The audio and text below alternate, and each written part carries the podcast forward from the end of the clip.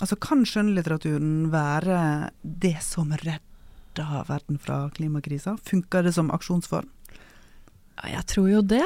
Mm. Altså, jeg tror at det kan eh, få oss til å se ting på nye måter. Mm. Den gir oss eh, nye innfallsvinkler.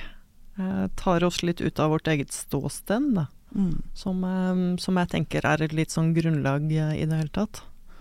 Og, og kunnskap, Mm. rett og slett. Mm. Vite hva det er vi har med å gjøre.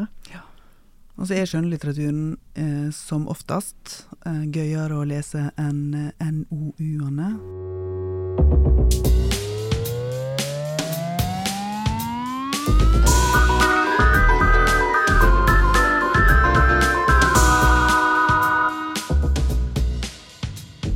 Velkommen til ny episode av Olaug og Å være på Litteraturhuset. Dette er en podkast der vi snakker om bøker vi liker og ikke liker, trender og tema i litteraturen.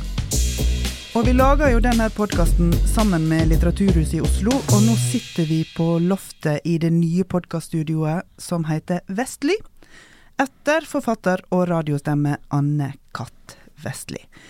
Velkommen til en ny episode. Hva skal vi snakke om i dag, Marie? I dag skal vi snakke om eh, to bøker som tar for seg temaet menneske og natur, altså forholdet mellom dem, om naturkrisen. Det er et tema vi ser går igjen i ganske mange bøker. Det er ikke det at det er et nytt tema, men vi ser at det opptar mange forfattere nå også. Og vi har valgt ut to bøker. Det er, eh, den ene er av en eh, gammel mester, Kjerstin Ekman, som snart fyller 90 år. Den andre er av eh, Guri Sørumgård Botheim, som eh, debuterte i 2009. Eh, begge er relativt nyere bøker. 'Løpe ulv' av Kjerstin Eikmann kom på norsk i fjor. Mm. 'Høgfjellsmeldinga' av Guri Sørumgård Botheim kom nå i år. Den er ikke mange uker gammel når vi spiller inn dette. Men vi har tenkt å starte med 'Løpeulv'. Mm. Liten, tynn bok som rett og slett er noe av det aller beste jeg har lest på lenge. Ja, wow. Jeg er så begeistra for denne boka. Hva med deg? Jo, jeg òg er begeistra, og den må ha vært tynn, ja, for jeg hørte den på lydbok. Og så hadde jeg litt andre forventninger til den enn, eh, den, enn hva den viste seg å være. For jeg har jo fått med meg at den har fått uh, veldig god kritikk. Eh, og, og, og blitt kalt eh, Kjerstin, eh, altså Kjerstin Ekman sitt hovedverk. Mm. Så av en eller annen grunn så hadde jeg en forventning om at den skulle være litterært veldig avansert. Altså litt Eksperimentell. eksperimentell, Ja. eller Men den var jo veldig neppa. Mm. Nedpå. Både språklig og dramaturgisk, ikke minst. Og, og det der at en del av de litterære referansene som blir brukt i boka Altså det er jo for, for eksempel En jegers dagbok og Jungelboken. Mm. Kjempefint, det likte jeg veldig godt. Men, men, men, men jeg var litt overraska, altså positivt overraska over eh, at den på en måte var så enkel, da. Mm. Det er så deilig når, når enkle bøker kan, kan romme så masse. Ja, og eh, som bøker som lodder veldig dypt, Ja. syns jeg. For Ja. den her er en sånn eh, tilsynelatende en sånn stille, enkel i gåseøyne fortelling som har et sånt langt dyp under seg. Mm. Det skjer så Mm. innmari mye sånn eh, nedover. Eller det var et litt dumt bilde, men ja, det gjør Jo det. jo, nei, men det er et forståelig bilde. Ja. For um, jeg begynte å lese den, uh, og så var det bare en åpning som jeg fikk sånn helt gåsehud av. Ja. Og det er så deilig og så spesielt å møte en sånn fortellerstemme som liksom bare går inn med en sånn sikkerhet og Mm. tar gulvet, på en måte, da. Og sier sånn 'nå skal du høre etter'. Mm. Her skjer det noe. Mm. Men hva er det som eh, hender? Altså, hvem er fortelleren i 'Løpeulv'? Vi kan jo begynne der. Ja. Uh, han uh, Fortelleren heter Ulf. Og det er selvfølgelig ikke tilfeldig at han Selvfølgelig heter Ulf. Eh, og han er skogsbyråkrat, eh, og han er mangeårig leder av jaktlaget i kommunen. Og det er jo det som er hans eh, altså hovedgrunnen til at han er opptatt av ulv og opptatt av naturen og av jakta. Eh, og vi er på den svenske landsbygda bare så det er sagt. Ja. Ganske, et stykke nord, men ikke, ikke, helt øverst. Nei. Det hadde jeg faktisk ikke fått med meg mm. hvor vi var. Jeg tenkte bare OK, vi er på bygda. Ja, det holdt for meg. På bygda der det snør masse.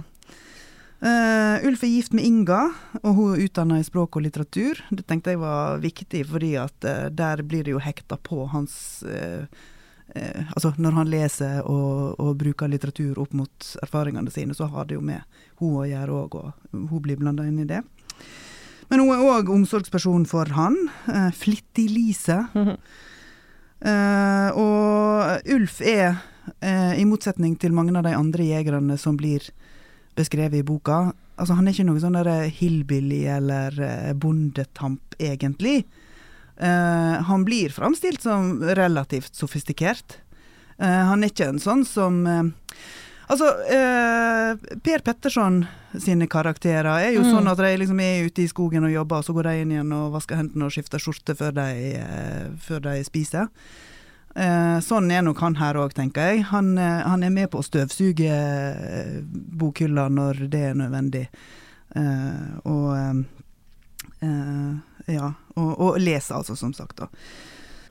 Og eh, åpningsscenen her er jo også en sånn slags jaktsituasjon, eller mm. i hvert fall en litt sånn speide mm. ute i skogen-situasjon. Ja. Hvor han sitter i en campingvogn, grønn, ja. grønn campingvogn. Ja som ikke er til å campe i, men som han bruker som en litt sånn jakthytte, og følger med på omgivelsene, da. Og han sitter der, og i et vinterlandskap så får han da se en stor ulv som eh, kommer fram og liksom eh, tror at den er alene, mm. og viser seg for ham. Ja. Kan ikke du lese litt fra starten? Mm.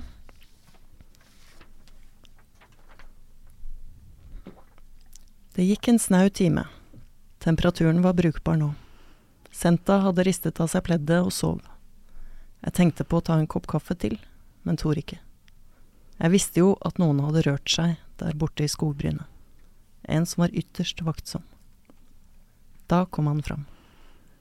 Han gjorde det med en selvfølgelighet som var lett å forstå. Denne verden var jo hans. Han kom fram fra skogen et lite stykke bortenfor der skisporet gikk. Han stilte seg i myrkanten mellom en einebusk og en forkrøplet furu. Han så oppmerksomt utover myras lille snøvidde og snudde på hodet slik at jeg så profilen med den edle snuten, den bratte pannen og ørene som sto rett opp. Så Ulf sitter alene og observerer den her flotte, stolte ulven, dens måte å være på når den ikke har noen som eh, mm. legger merke til den når den er alene i, i liksom sin verden. Og det setter i gang utrolig mye for han, eller mm. i han. For det første så forteller han jo ikke kona, eller egentlig noen, at mm. han har sett den ulven. Nei. Han vil på en måte, så han sitter og ser litt sånn lur ut om kvelden når kona spør hva det er, men han klarer ikke si at 'jeg så en ulv'. Mm. Men hva er det som skjer videre da? Hva er det den ulven setter i gang i han, utover i romanen? For det blir jo egentlig det viktige som foregår, er hva ulven gjør med Ulf, eller mm. hva synet han gjør. Mm. Altså, men, men, bare for å stoppe litt ved det der, at han faktisk ikke sier det til kona. For at jeg eh, syns jo det er veldig Det skaper en voldsom nysgjerrighet hos meg. For hvorfor kan han ikke si det? Han forklarer jo ikke det. altså Det kommer jo fram. Det er jo noe av det som blir bretta ut i løpet av romanen. Hvorfor klarer han faktisk ikke å si til kona, som han har et godt forhold til? Eh, hvorfor klarer ikke han å si 'jeg så en ulv'?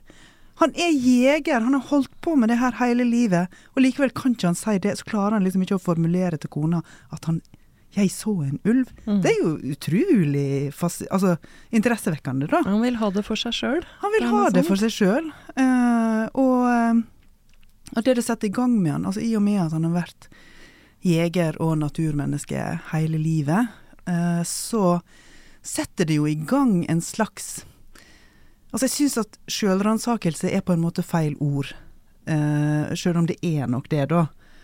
Men det går så sakte framover, sant, og, og, det er så um, Altså, han blar jo, finner fram de gamle jaktdagbøkene, dag, jaktdagbøkene sine og ser hva han har skrevet ned om hva slags dyr han har drept osv. Og han har drept dyr hele livet, Mm. og eh, skrevet om det på en litt sånn tørr, saklig måte. Mm. Mm. Og nå eh, vemmes han nesten litt av det. Ja. Han leser dem på en ny måte nå. Mm. Han ser at jeg har eh, litt sånn drept og drept og drept. Jeg har ikke tenkt over hva jeg drepte. Jeg har ikke tenkt over hva det er, Mm. og hva det betyr. Ja. Og, så, og blant annet så eh, blir det lagt merke til, og det tror jeg er kona som legger merke til, at han ikke lenger sier 'alt jeg har drept', men 'alle jeg har drept'. Ja. Det er det. ja. Altså at han eh, på en helt annen måte forstår eh, ja, verdien til individer. Og han begynner også å drømme om ulven. Mm. Og det som skjer, er nærmest at han er ulven Mm. i de drømmene. At han ser eh, omgivelsene som om han, han var ulven. Mm. Og det er det som kalles litt sånn å løpe ulv fra gammelt av, at du Men som nærmest eh, ble, ble ulv. Mm. At de ble tatt bolig i av, eh, av en ulveskjell, eller omvendt. Ja. Og eh, jeg tenker jo også at han erkjenner, på en måte kanskje for første gang, i takt med hans egen aldring, da, Mm. så ser han også eh, naturen som noe mye mer sårbart, og som noe eget. Ja. Det er kanskje det viktigste. Man ser det Han ser ulvens verden som hvordan den er når han ikke er der. Mm. Han får lov å være en tilskuer, han får bare se det. Og det blir noe så stort for han, og omveltende. Mm. At det har en verdi i seg sjøl. Ja. Altså at det er uavhengig av mennesket. Mm. Ja. Og, jeg, og det er jo litt sånn Han skjønner jo ikke helt selv hva det er som skjer med han. Nei. Og dermed blir det jo ikke gjort noe overtydelig overfor leseren heller. Som Nei. plutselig innså jeg at det er ingen Nei. sånne voldsomme åpenbaringer eller innsik innsikter. Mm. Det er bare små omdreininger. Mm. Og han begynner å lese om eh, artsutryddelse. Han leser en bok som er da gjenkjennelig som eh, Den sjette utryddelsen av Elizabeth Colbert. En av de liksom veldig sentrale bøkene når det gjelder eh, artsutryddelse. Og han tenker annerledes om skogen han har vært med på å hogge og plante Ja. igjen, da, om Ja. det der med flatehogst. Mm. At han har planta gran, som har tatt over hele landskapet. Ja, og utarma jorda. Mm. Ja. Og han eh, sammenligner seg selv da han eh, er nær ved å dø av et hjerteinfarkt, da, og hvor han etter hvert eh, gir seg som, eh, eh, som leder for jaktlaget. Så sammenligner han seg selv med en død ulv. Mm. Altså nå er han blitt en gammel ulv, og flokken drar videre. Ja. Så eh, det blir en sånn sterkere og sterkere sammenveving av Ulf og ulv Mm. i boka. Ja. Og eh, jeg tenker jo også at den aldringen som han eh, kjenner på kroppen, helt bokstavelig, det å være skrøpelig, det å bli syk, ehm, og det litt sånn implisitte tapet av eh, framtid, som Mm, man må jo mm. erkjenne, da, det henger jo også så tett sammen med det naturtapet. Ja. Og um, det som er, er i ferd med å gå tapt. Mm. Så det er jo en sånn eh, Jeg leser jo en veldig sånn stor sorg Ja. i det her. Det, Mm. det er et sånn stort tap under den her eh, eh, litt sånn enkle narrativet om eh, en gammel mann som ser en ulv. Mm. Ja da. Mm. Ja, men jeg er helt enig. Og så, er det jo òg, altså selv om det er referert til den der eh, gjenkjennelige boka om eh, artenes utryddelse Jeg kjente den jo ikke igjen da, men det er jo ikke så nøye, for så vidt. Mhm. Men altså Uh, Det er jo likevel ikke noe sånn spesifikk nevning av klimakrisa og Greta Thunberg osv. Det er jo ikke der den boka er i det hele tatt. Men det er mange indikatorer. Altså Ja. det er skogbranner. Mm. eh, Og så veldig varm sommer. Ja. Ja. ja. Så de kjenner jo hele tida de der omveltningene. Mm.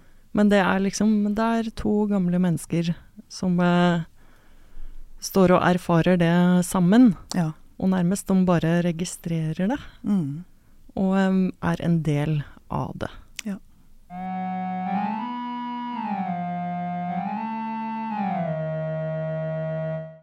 Men Kjerstin Ekman, eh, som du nevnte, er jo snart 90 år og har et langt forfatterskap eh, bak seg. Mm. Eh, det her med, med natur og menneske, det har vært viktig for henne, har ikke det det? I Ja, det er eh, veldig sentralt Ja. i eh, hennes forfatterskap. Hun eh, ble faktisk utnevnt til eh, skoglig æresdoktor ved mm. Sveriges landbruksuniversitet. Mm. Det er ikke så mange forfattere som har blitt det. Nei, sikkert ikke. Så sikkert det, ikke. den aller mest kjente romanen hennes er eh, 'Hendelser med vann'. Mm. Den var for øvrig også påskekrim på Mm. NRK Ja. i, i år. Men den er fra 1993, og fikk Nordisk råds litteraturpris det året. Jeg har også lest nylig eh, bok av Bernhard Ellefsen, eh, som er kritiker i Morgenbladet. Det er en sakprosabok som heter 'Det som går tapt', med undertittelen 'Naturen som forsvinner', og litteraturen som forteller om den. Mm. Og eh, det er lesninger av ulike bøker og forfattere som skildrer naturkrise.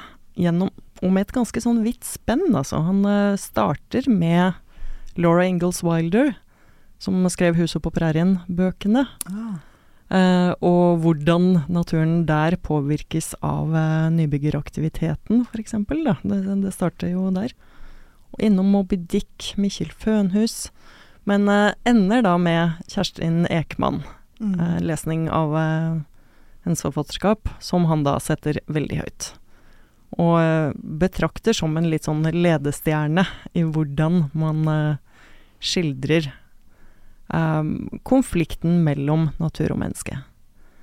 Og noe av det han påpeker, er jo at hun er litt sånn genuint nysgjerrig på hva som skjer i naturen når vi ikke er der. Mm. Altså hva som skjer uten oss. Og at hos henne er liksom naturen sånn noe uoversiktlig og noe vilt og uhemmet. Og eh, i hendelser ved vann så skildres ofte naturen i litt sånn, også litt skremmende vendinger, da. Mm. Um, noe usikkert. Eh, samtidig så er hun veldig kunnskapsrik. Hun har sånn eh, sterk eh, botanisk eh, insekt. Og hun er ikke sånn ute etter bevaring eller sånn forkjemper for eh, det uberørte, på en måte. Mm. Men eh, har masse, også masse omtanke for menneskenes rolle Mm. og ser hvordan vi faktisk ødelegger, hvordan vi faktisk roter det til, da. Men at vi også er arter, en art Mm. som innimellom er uh, i krig med andre arter. Ja. Men at trekke fram at kunnskap er veldig sentralt. Altså hvis du vet hva blomsten heter, på en Mm. måte, så blir du også mer opptatt av at den ikke skal forsvinne. Hvis du vet at det er en smørblomst, så ser du ikke bare naturen som grønn guffe, på en måte. Hvis du veit at du kan holde smørblomsten under haka og så Mm. sjekke om du liker smør, Ja. så har ikke du lyst til å brenne opp smørblomståkeren. eh, ikke sånn smørblomståkeren. Hvor syns du Ulf eh, ender opp i denne boka? Altså em, hvilket eh, natursyn er det han eh, ender med? Altså, jeg tenker jo at han eh, Altså, ja, han har jo endra holdning og er mer kritisk til sin egen rolle som forvalter gjennom eh, livet sitt. Eh, men han oppleves ikke som noe sånn der veldig naturmystiker, sjøl om han har det der Mm. eh, løpe-ulv-opplevelsen. Eh, han oppleves vel mer som en sånn der eh,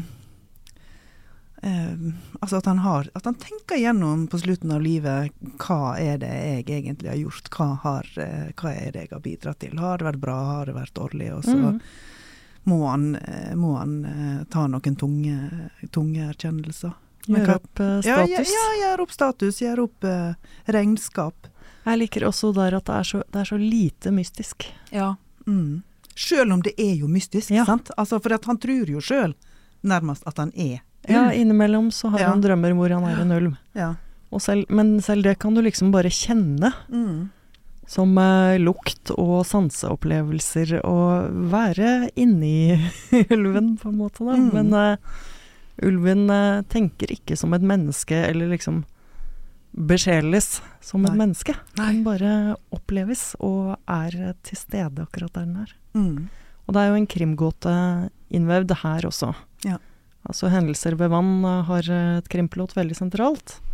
Og denne har også et slags krimplott. Mm. Men syns ikke du at det var liksom litt sånn hekta på på slutten? Hvis vi skal være kritiske? Nei, jeg veit ikke helt. Altså um, Vi kan jo si hva det er. For ja. uh, campingvogna til uh, Ulf blir da funnet uh, utbrent. Mm. Og i den så finner de da restene av en død ulv. Mm. Som vi må anta er den samme ulven som Ulf har sett. Ja. Og hvem er det da som har, som har slått i hjel ulven? Mm. Vi får jo vite det til slutt, men den problematiserer jo veldig tydelig den der Ikke bare at eh, mennesker eh, tar seg til rette for å opprettholde seg selv, på en måte. At mm. vi bruker naturen til eh, ting vi trenger. Mm. Men også at det fins en sånn lyst til å drepe ja, ja. blindt. Da. Ja. og bare legge andre arter litt sånn der mm. vettløst og planløst og grufullt ja. under seg. Det syns ja. jeg det, den gåten der eh, er med på å illustrere. Ja da, jeg er enig i det, altså. Uh, og jeg er ikke egentlig så veldig kritisk. Jeg tenkte bare jeg skulle være litt frekk og morsom.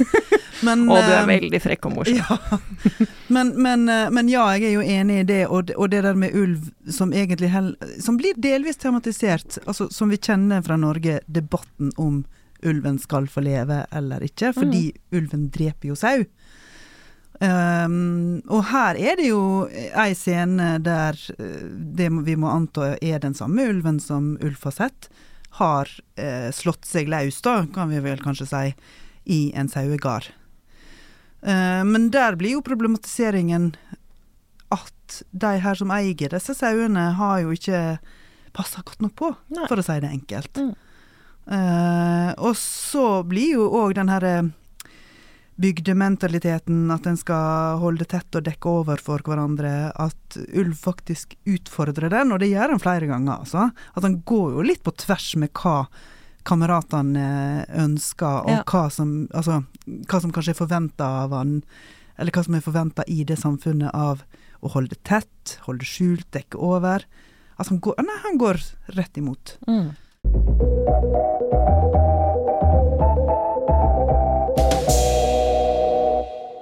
Altså nå til dags så er det ganske mange som skriver om naturkrise. Mm.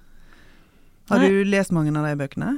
En del. Ja. Altså naturkrise definerer vi jo litt sånn som tap av artsmangfold, områder, landskap. Um, det har fått økende oppmerksomhet mm. de siste åra. Og um, det er en diskusjon som kanskje lenge var litt i skyggen av uh, selve klimaspørsmålet. Mm. Med varmere vær, konsekvensene av utslipp og sånn. Ikke sånn at det er blitt mindre viktig, men at Nei. du også ser den siden av det. Mm. Og jeg lurer litt på om det er uh, lettere for oss på en måte å ta inn. Mm. Det er vanskeligere å forholde seg til uh, nå blir det varmere, tror jeg. Det er mer abstrakt. Mm. Det kjennes kanskje mer abstrakt for folk å skulle forklare hvis det blir enda varmere, så skjer dette og dette. Mm. Det er kanskje litt nærmere å forklare folk at nå fins det ikke lenger eh, rev, da. Nei, nei. Ja, det fins rev. Ikke, det, det finnes rev, rev, men, ja. men, men ja, ja. Men, men for dette var et tenkt eksempel. Ja. Men for eksempel, da, altså hvis du tar uh, alle de vindmølledebattene mm. som har vært. Det blir jo nært for folk å forholde seg til at OK, på fjellet ditt, mm. der kommer det 50 vindmøller. De kommer helt tett oppi det, ikke sant. Skal lage en vei der oppe. Det er klart ja, at en forholder seg til det. Ja, og det er mye som skjer uten at vi merker det i det hele tatt. Ja. Altså, det var f.eks. en sak på NRK nå denne uken, hvor vi spiller inn dette, om skogsbilveier. Mm. Som blir litt sånn etablert uten at det egentlig er så veldig mye diskusjon om det. Ja. Det trengs mm. ikke noen veldig store godkjenninger for å lage en diger vei tvers gjennom en skog, på en måte. Mm. Det, det, skjer litt sånn i det stille. Ja. Og um, Anne Sverdrup Tygeson, altså, um, som er biolog, særlig kjent for Insektenes planet og uh, På naturens skuldre, hun uh, bruker uh, begrepet endringsblindhet. Mm. At det er så mye Det går så sakte at vi uh, ikke ser det. Fordi vi sammenligner kanskje med hvordan det så ut for 20 år siden. Mm. Mens vi egentlig burde sammenligne med hvordan var det for 50 eller 100 år siden. Altså hvis man vet at det var hvalfangst langt inn i Oslofjorden for 100 år siden, Ja. ikke sant? Mm. Um, jeg har en kjæreste, ja. Espen Ytreberg, som uh, skriver bok om uh, den norske industrielle utryddelsen av de store hvalene. Mm. Eh, den kommer til høsten. Nå får jeg plugga Ja. den her òg. Jo jo, men dette er relevant. Det er men, eh, greit. men hvor eh, hun tar fram at eh, Norge har vært framstilt som en miljøforkjemper, men også har vært en av de fremste miljøødeleggerne Mm. når det gjelder det her. Ja. Og det snakkes det jo veldig lite om. Mm. Men eh, altså en million arter er utrydningstruet. Mm. Eh, matproduksjon og landbruk, for det er veldig store konsekvenser for. Folk vet ikke at det meste av norsk skog er jo hogd og planta igjen. Mm. Mm. Eh, det, det vi går rundt i er jo stort sett konsekvensene av uh, flathogst. Det Ja. fins nesten ikke norsk uberørt skog. Nei. Det blir mye kjedeligere skog. Ja, det ja, ja, går hardt ut over, eh, over artsmangfoldet der også, da. Men det, det kommer jo opp i større og større grad, syns jeg. Altså Fosen-saken med Mm. vindmøllepark som griper rett inn i urfolks eh, rettigheter til beitområder. Men det siver jo også veldig inn i skjønnlitteraturen, Ja. syns jeg nå. Mm. Um, jeg har jo um, allerede snakka om uh, Løpe ulv.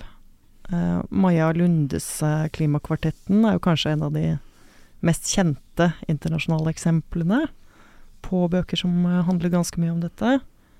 Helene Guåkers Allmenningen. Mm. Eivind Hofstad, Hofstad Evjemos Den nye årstiden. Mm. Din redaktør, Sondre mm. Midthun, har skrevet en bok om det òg. En heldig løsning. Mm. Men eh, det er mange, altså i og med at det er så mange forfattere som skriver om det her nå, eh, tenker du at det er en, liksom den nye politiske litteraturen? Den nye politiske litteraturen. Mm. Ja, på en måte er det jo det. Altså For meg er jo ikke politisk litteratur eh, noe skjellsord i det hele tatt. Så det. Jeg syns det var mer av et litt sånn skjellsord tidligere. Mm. Man var opptatt av Nei, jeg er ikke noen politisk forfatter. Nå, nå syns jeg jo mange forfattere sier med, mye mer uttalt at uh, dette er en politisk roman på mange måter. Mm. Du gjør jo også det. Ja, ja, ja, ja, absolutt. Jeg er ikke noe redd for det i det hele tatt. På andre områder. Så Ja. ja, og dette tror jeg jo rett og slett er uh, spørsmål som ligger under, Mm. som en sånn eh, konstant murring Ja. for eh, ganske mange av oss. Ja. Jeg vet at det gjør det for meg, selv om jeg ikke skriver eh, så mye skjønnlitteratur om eh, det. Ja, og jeg skriver heller ikke om det. Mm. Og det, det er jo en murring, men, men for meg så Altså, når du nå nevnte det her med skogsveier i stad, og skog og så videre, og, og jeg nevnte så vidt det med vindmøller um, Jeg er jo ikke så Det er skummelt å si det, altså. Men jeg er jo ikke så redd for den typen endring, altså. Det er jeg ikke. Uh, og jeg tror det handler litt om at f.eks. skogsveier, og det er jo ofte grusveier, ganske solide grusveier som blir bygd for å få til hogsten på en god måte, og, og, men, det, men det blir òg brukt som turløyper. Eh, og i den neste boka vi skal snakke om, så blir jo det der med folkehelsa som, uh, som argument for utbygging av naturen latterliggjort. Men jeg tenker jo at uh, det er ikke noe å latterliggjøre. Fordi at det, det er jo helt åpenbart tilfelle at naturen blir mer tilgjengelig for flere når det er en brei grusvei, en brei og flat og skikkelig grusvei, istedenfor en skogsti da, eller en fjellsti. Det er ikke Problemet er jo litt uh, alt det vi gjør uten å vite konsekvensene. Ja ja, ja men jeg Og skjønner eh, det. hvor ja. store inngrep kan vi gjøre uten å eh, noe ta høyde for uh, hva er det dette setter i gang? Mm. Altså, på Fitjar, eh, som er en kommune som ligger på Stord, eh, den heter det, Fitjar. Eh, der uh, ble det bygd en vindmøllepark som bygda, folk i bygda var uh, Ja, det var vel delt da, som det ofte er, men mange var mot. Sant? For de er store, og de viser fra på lang, lang avstand. Hvis jeg, hvis jeg er på Flesland flyplass og kikker ut vinduet i en bestemt retning, så kan jeg skimte vindmøllene i det fjerne. Og det er jo veldig langt unna. Det er en det er ferjetur og Altså, det, det er langt, langt unna. Og av og til når jeg flyr, så ser jeg ned på vindmøllene, så flyr vi rett over vindmøllene. Eh, så det er jo klart at de er et enormt inngrep i naturen. Og det er lange grusveier der òg. Eh, men jeg syns jo at de er helt fantastisk fascinerende. Jeg syns de er så nydelige. Og i, i perioder av livet mitt når jeg har vært masse sykmeldt, så har jeg da Så har jo ikke jeg så har jeg kunnet gjort hva jeg ville om dagene, da. Og da har jeg syntes at det har vært deilig å kjøre til Os, ta ferja over til Stord. Kjøre opp på Vindmølleparken, og så går jeg en tur der, og så ser jeg på vindmøllene. Jeg har hatt med meg fire forskjellige venner for å vise fram vindmøllene på Fitjar. Og det er noe med Altså For eksempel å legge seg ned på bakken under ei vindmølle og bare høre en vuzn, vuzn, vuzn. Helt utrolig, altså. Og så se utover vindmøllene som går og går og går. Det er mindfulness. De går sånn ja, jeg vet det, du kan, du kan le. Jo, men, men, altså. men jeg tenker at det er jo helt irrelevant med liksom smak Ja. og behag Ja, ja. rundt det, om man liker ei vindmølle eller ikke. ja, Liksom. det det- syns jeg er helt likegyldig. Men, eh, men poenget er at det her er jo diskusjoner som alltid vil bli ganske vanskelige. Ja. Fordi det er sterke hensyn å ta på begge sider. Kan jeg få si en ting til? Ja. For det er jo ikke bare det. Sant? Altså Min personlige smak og behag og min personlige mindfulness. Selvfølgelig er det jo ikke bare det. Men det der med å se eh, det utnyttingen av altså det industrielle i naturen som et framskritt, da. Eh, jeg syns ikke at det er bare ehm, Altså, ja, jeg er enig, i vi må vite konsekvensene av det vi gjør. Vi kan ikke bare liksom kjøre på. Og det er sant at uh, det å, å plante ut gran har utarma jorda. Det var dumt, det vet vi, som ulv, ulv uh, i løpet ulv skjønner. Men, men det der å liksom anerkjenne den verdien av det vi har fått til, da. Sant? Og da syns jeg særlig vindmøllene, for det veit vi jo eh, har positive eh, miljøgevinster. I tillegg da til eh, at det griper inn i naturen.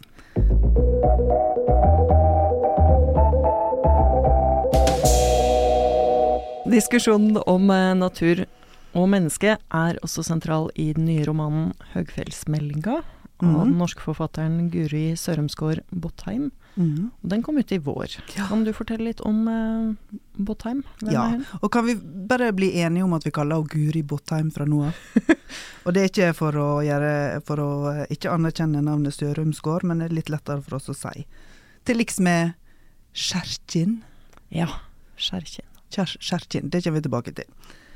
Eh, Men Guri Botheim hun debuterte med romanen 'Ramstein pensjonat'. Det var sammen med søstera Sigrid Botheim.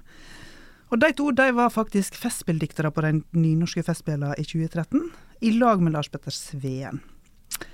Og Guri og Sigrid Botheim de redigerte òg ei bok som heter 'Søsken'. det gjorde de i lag med søskenparet Kjersti og Ingrid Solbu. Og så har Guri Botheim òg gitt ut diktboka 'Heime mellom istidene'. Og hva er det som foregår i Høgfjellsmeldinga? Der er det eh, hovedkarakteren Ragna Svae, eh, som vi møter første gang i Trondheim sammen med kjæresten Lars. Eh, men helt innledningsvis så søker hun kommunikasjonsjobb på Villreinsenteret på Hjerkinn. Som vi får vite skal uttales Skjerkinn. Skjerkinn. Ja, vi må øve litt Hvorfor på den. staver de det Hjerkinn da, da? Nei, det er så utrolig. Kan ikke begripe det. Nei. Men det, men det, det kommer òg fram at eh, de lokale sier ikke Snøhetta, de sier Sjohetta. Sjohetta. Ja. Og det er ja, fint og interessante ord. Men det er litt vanskelig å si skjerkinn. Vi får prøve å si Ja, vi prøver å si det. Skjerkinn. Ja.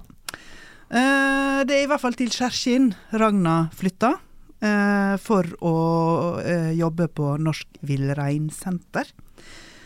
Og det er et eksisterende senter, men det er ikke Altså, hun har jo dikta det, da. Mm. Det er, og står i begynnelsen av boka at det, er, det, er ikke, det er ikke det. det er, altså, ja, hun har dikta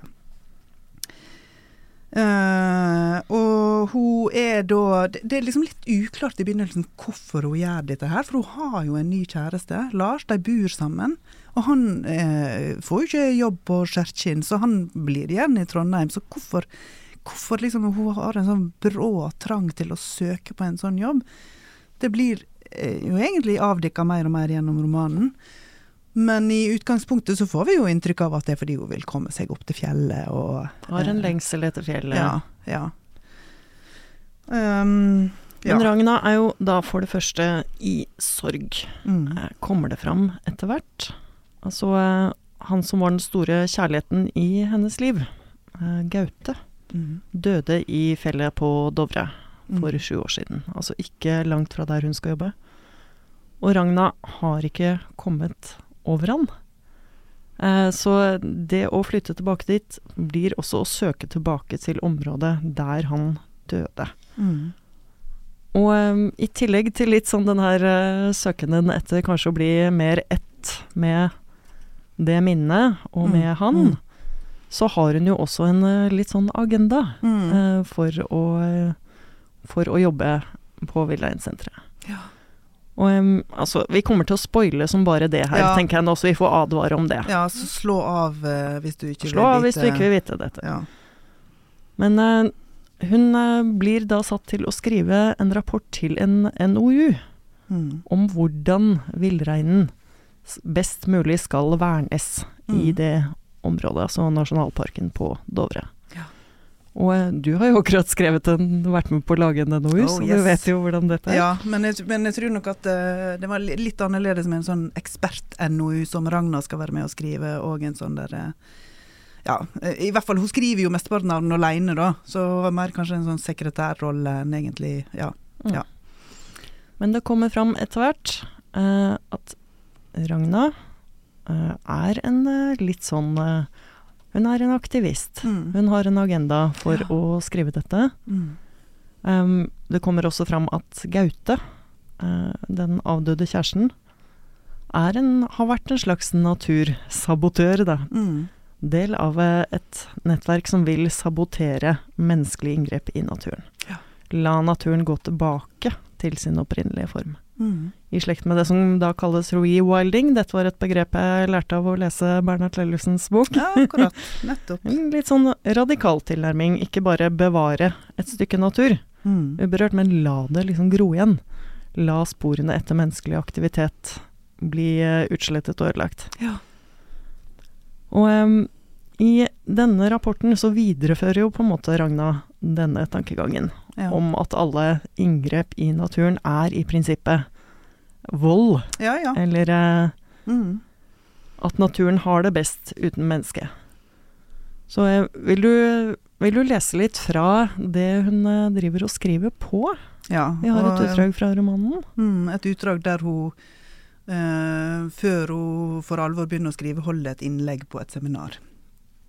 Eh, og der sier hun da Det ser ut til at vi i hovedsak har fire grupper med folk som bruker Dovrefjell.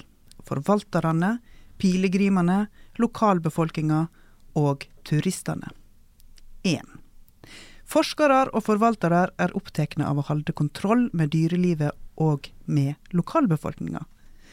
De opererer mest på distanse, men feier innom på raske dagsbesøk i naturen, gjerne med snøscooter eller kjøretøy som er forbudne for andre. 2.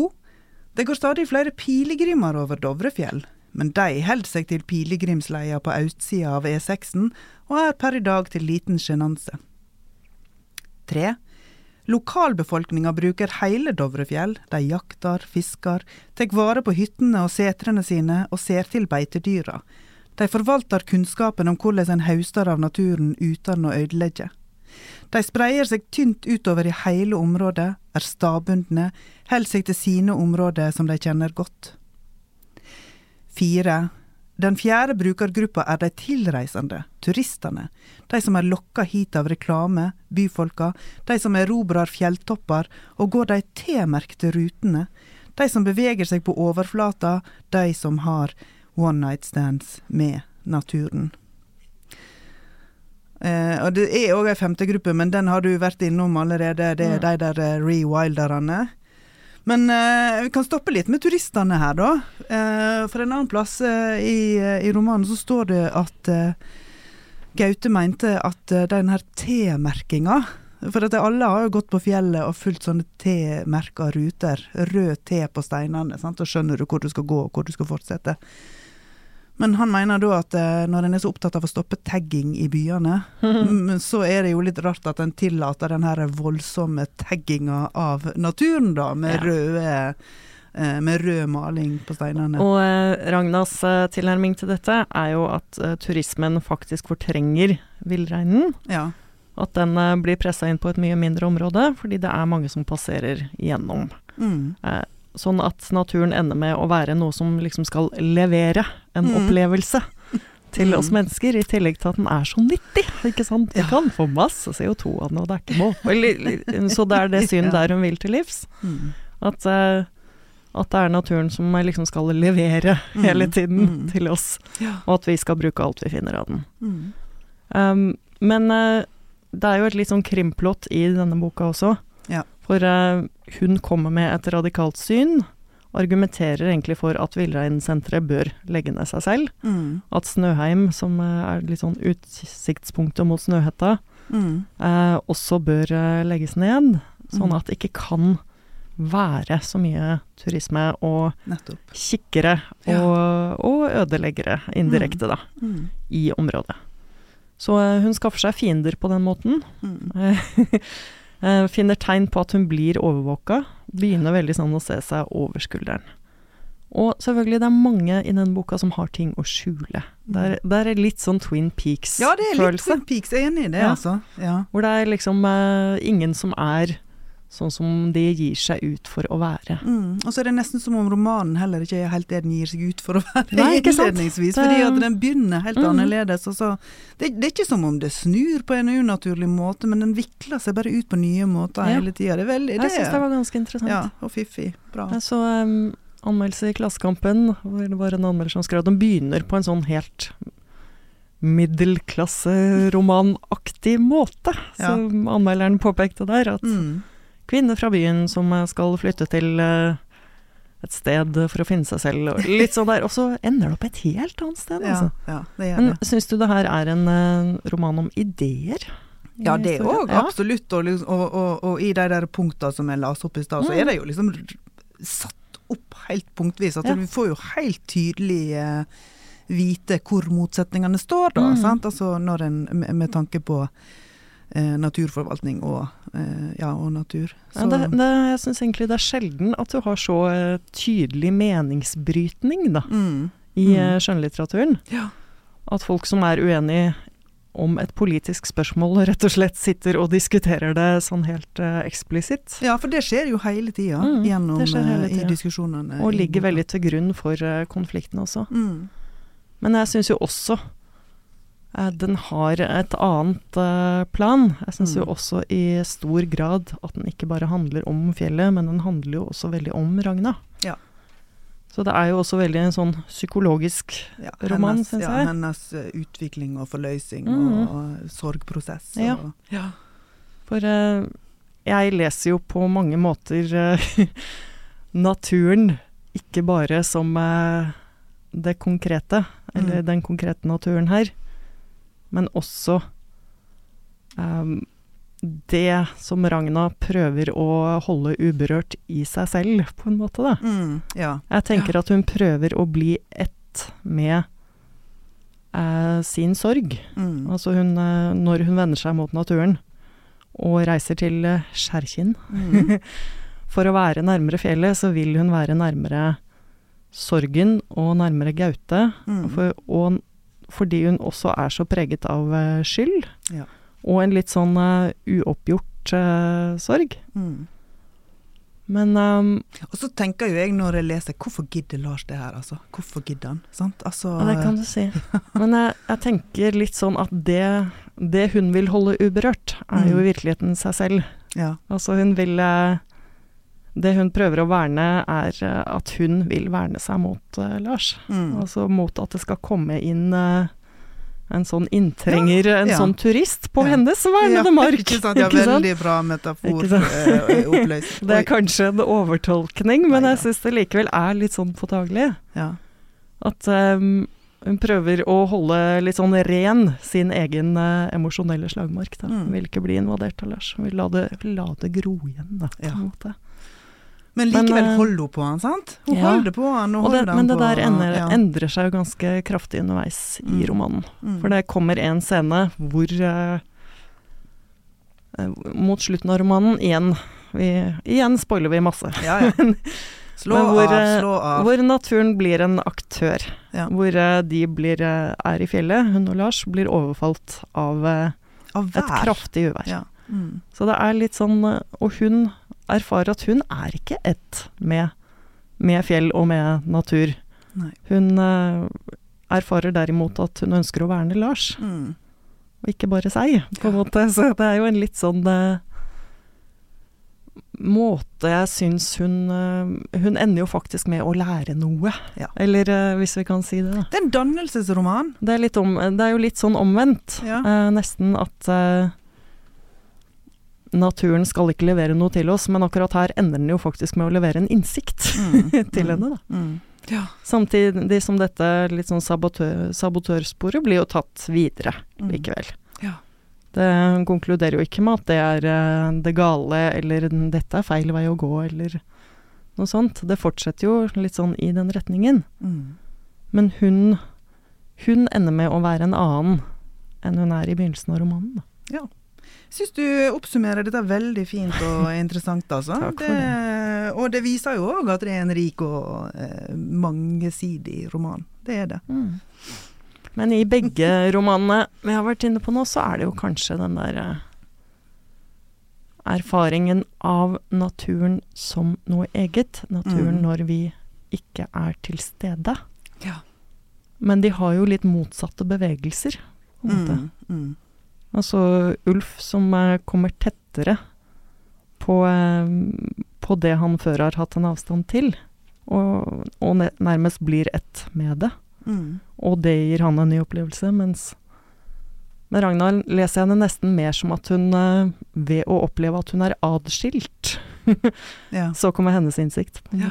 ja. Mm. Er det mm, Altså, kan skjønnlitteraturen være det som redder verden fra klimakrisa? Funker det som aksjonsform? Ja, jeg tror jo det. Mm. Altså, jeg tror at det kan uh, få oss til å se ting på nye måter. Mm. Den gir oss uh, nye innfallsvinkler.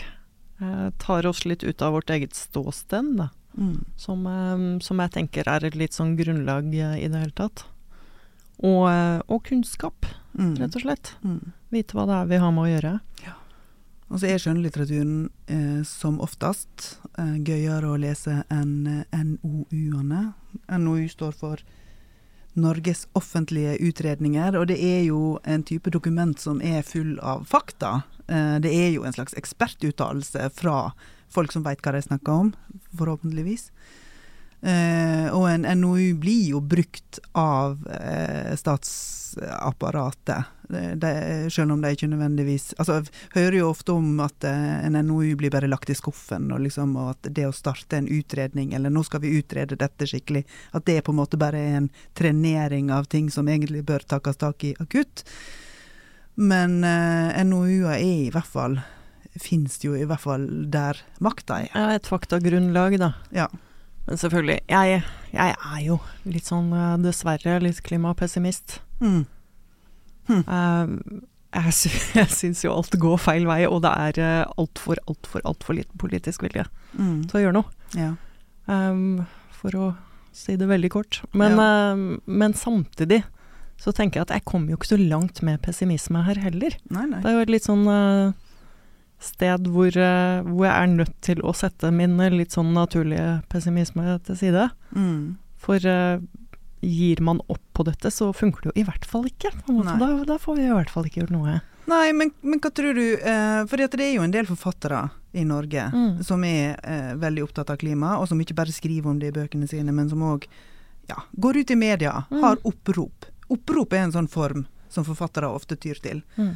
Uh, og så er det 159 stykker har skrevet under denne kronikken osv. Men har du tro på den formen? Opprop fra forfattere?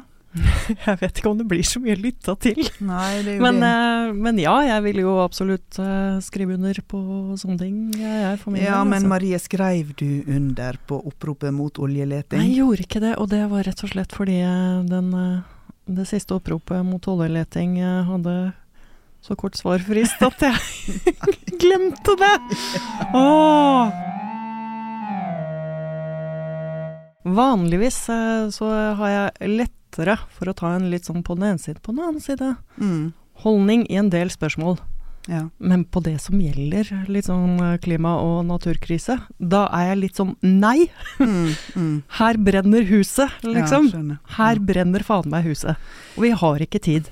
Og, det, og der blir jeg sånn eh, når, når folk blir opptatt av men, men ingen skal få påføre meg flyskam eller kjøttskam eller noe Mm. sånt. Mm. Altså, selvfølgelig, jeg spiser kjøtt og jeg flyr. eh, Jeg gjør det. Ja. Jeg prøver å gjøre det litt mindre. Mm. Men, men det blir litt sånn Vi kommer ikke videre om vi bare skal holde på der, da. Mm. For da blir det liksom en sånn Skal jeg sitte og rope Du, nå, nå brenner dette huset, du må ut, liksom. Ja, men du skal ikke påføre meg skam for at jeg sitter i dette huset. Nå prøver du å oppføre meg skam, påføre meg skam for at jeg sitter i dette huset. Vi, vi kommer ikke videre derfra. Nei, jeg skjønner. Men eh, hadde du sagt alt dette til Vårt Land når de ringte deg og spurte hvorfor skrev du ikke under på oppropet? At jeg eh, bomma på fristen. Nei, Ja, det hadde jeg ikke hatt noen problem med. Ja, men alt det du sa nå, da. Ja, altså synet ditt. Ja, nettopp. Ja. Men hvorfor skriver ikke du en kronikk sjøl? Kanskje jeg skal gjøre det. Ja. Vi kan avslutte der. Det var fint sted å slutte.